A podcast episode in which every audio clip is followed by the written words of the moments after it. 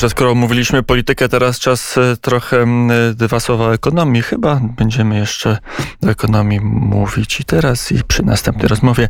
Jan Zygmuntowski, ekonomista przy telefonie. Dzień dobry. Dzień dobry, dobry wieczór. E, informacja, że Amazon wchodzi do Polski.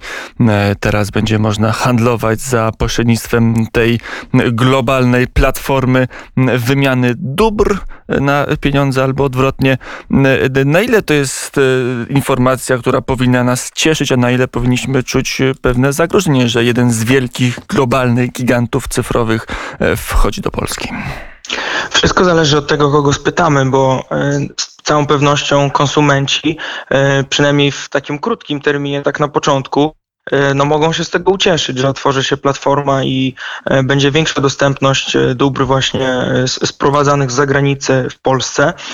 Natomiast z punktu widzenia małych i średnich przedsiębiorstw, nawet jeśli na początku to oznacza, że będziemy mieli dzięki temu jako, jako firma też wyjście na ten globalny rynek, no to doświadczenia tych rynków, gdzie Amazon jest od dłuższego czasu, pokazują, że to jest bardzo ryzykowna gra, bo tak naprawdę e, tutaj e, jest się raczej wciąganym w taką e, właśnie w, w, taką dużą szansę, ale stopniowo ta szansa zamienia się też w bardzo duże zagrożenie i dla małych graczy oznacza często po prostu wycięcie.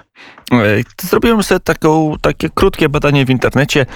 Wpisałem hasło Amazon w Polsce. Wyskoczyło mi kilka, oczywiście bardzo dużo wyników, ale wszystkie pierwsze to są w zasadzie informacje, informacje z różnych portali o niemalże identycznej e, treści. Tam można przeczytać, e, że po pierwsze dla konsumentów lepiej, po drugie, że Amazon już jest w Polsce, bo ma swoje punkty dystrybucji i zatrudnia tam 18 tysięcy osób i że e, duża liczba polskich firm będzie mogła skorzystać z usług tej platformy i że będzie miała dostęp do 300 milionów, to jakoś strasznie mała liczba w sumie, konsumentów na całym świecie i tak zastanawiam się sobie, gdzie są kontrowersje i czy na pewno prowadzimy tą debatę w odpowiedni sposób. Jak się pogrzebie głębiej, to się znajdzie różne wątpliwości, ale e, taki przekaz przez w głównych portalach jest e, homogeniczny.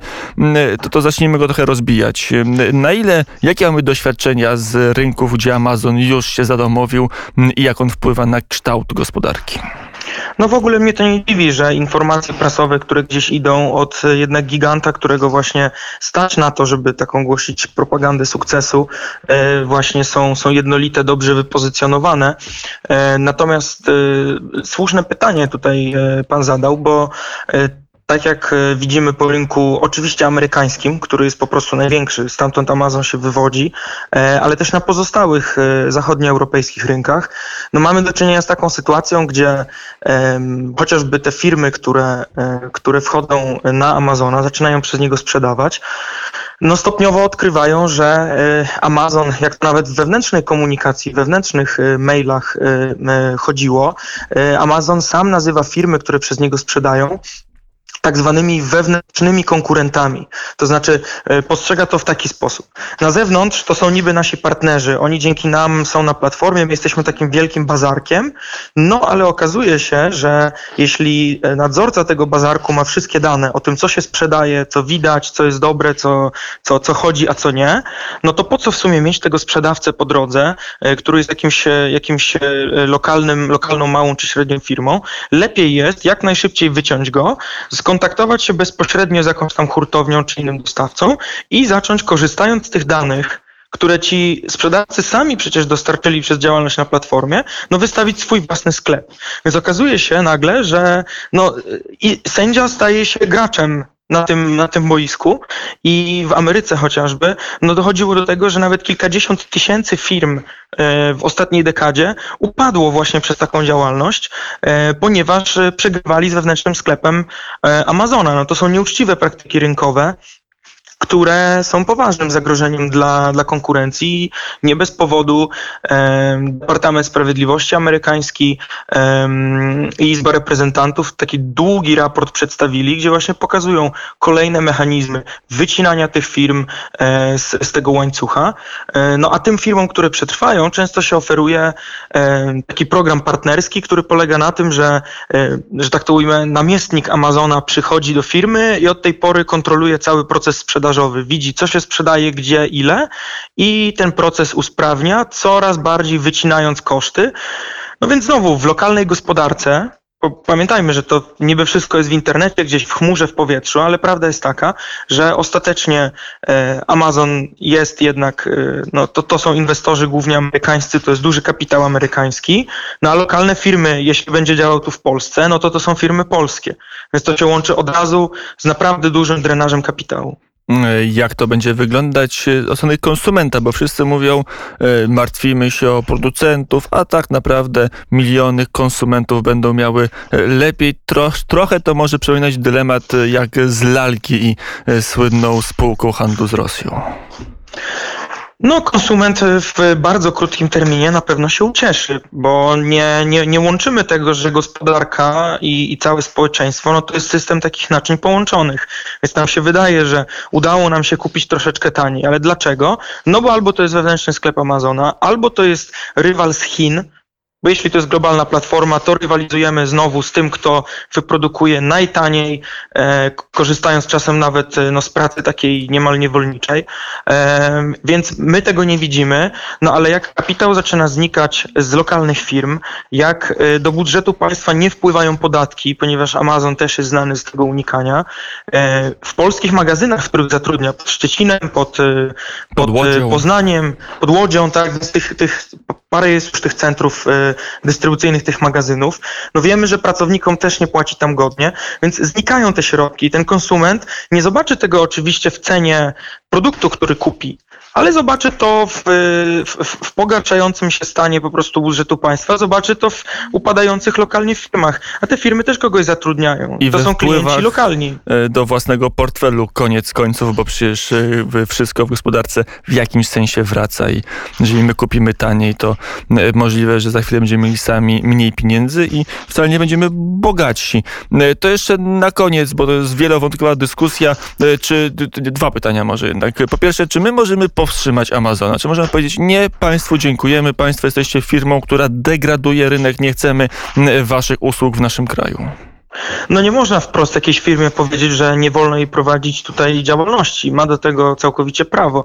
Tylko musimy jednak zadbać o to, żeby te wszystkie praktyki, czy to jest właśnie e, łamanie praw pracowniczych, czy nieuczciwa konkurencja, no żeby te praktyki nie miały miejsca. Do tej pory miały, bo właśnie e, globalny gigant, jesteśmy w internecie, tu nie sięga niczyja jurysdykcja, no ale prawda jest taka, że e, e, Polski Urząd Ochrony Konkurencji i Konsumentów już zapowiedział, że zaczyna się, że tak to powiem, e, zbroić i przygotowywać na te nowe wyzwania, które się tu pojawią. No a po drugie możemy takie regulacje przyjmować, żeby przykładowo no oni musieli pokazać, co się kryje w sercu tej maszyny, tak? Jakie algorytmy sterują tym, że wyświetla się taka oferta, a nie inna, czyli co sprawia, że ta nieuczciwa konkurencja zachodzi. No i do tego są dobre przykładowo regulacje unijne. Kodeks usług cyfrowych i kodeks rynków cyfrowych mają być właśnie takimi e, zabezpieczeniami. Im będą silniejsze, tym większa pewność, że wejście takiego giganta to nie będzie po prostu no, zdeptanie tutaj e, Dawida przez Goliata. Nie? E, to jest ostatnie pytanie o podatki. Ja wiem, że nikt podatków nie lubi, ale jak pewnie Państwo do sklepów chodzicie, to też niespecjalnie lubicie za produkty płacić, a jednak to nie kradniemy masowo dóbr spółek, stąd też tak samo trochę z podatkami, że nie, nie lubimy ich płacić, ale czasami warto. Amazon nie tylko, że nie lubi, to i nie płaci podatków specjalnie. Jak to wygląda, jak zmusić, żeby zaczął podatki płacić także w Polsce, czy w Unii Europejskiej? Znaczy... No, no często się właśnie ludziom wydaje, że e, skoro my e, mali nie lubimy podatków, to może lepiej i, i, jak, i bez podatków byłoby może łatwiej, to, że to nie jest nic złego, że sobie taka duża firma unika podatków, no ale właśnie im więcej ona unika, tym więcej my musimy przez to zapłacić. Kwota wolna nie może być pod, podwyższona, bo właśnie duży gracz unika dokładania do tego wspólnego, wspólnego garnka. Oczywiście te, te, te duże firmy cyfrowe korzystają z, e, z, z, z tych tak zwanych shell company, skorzystają z e, prawa e, irlandzkiego, już w mniejszym stopniu holenderskiego,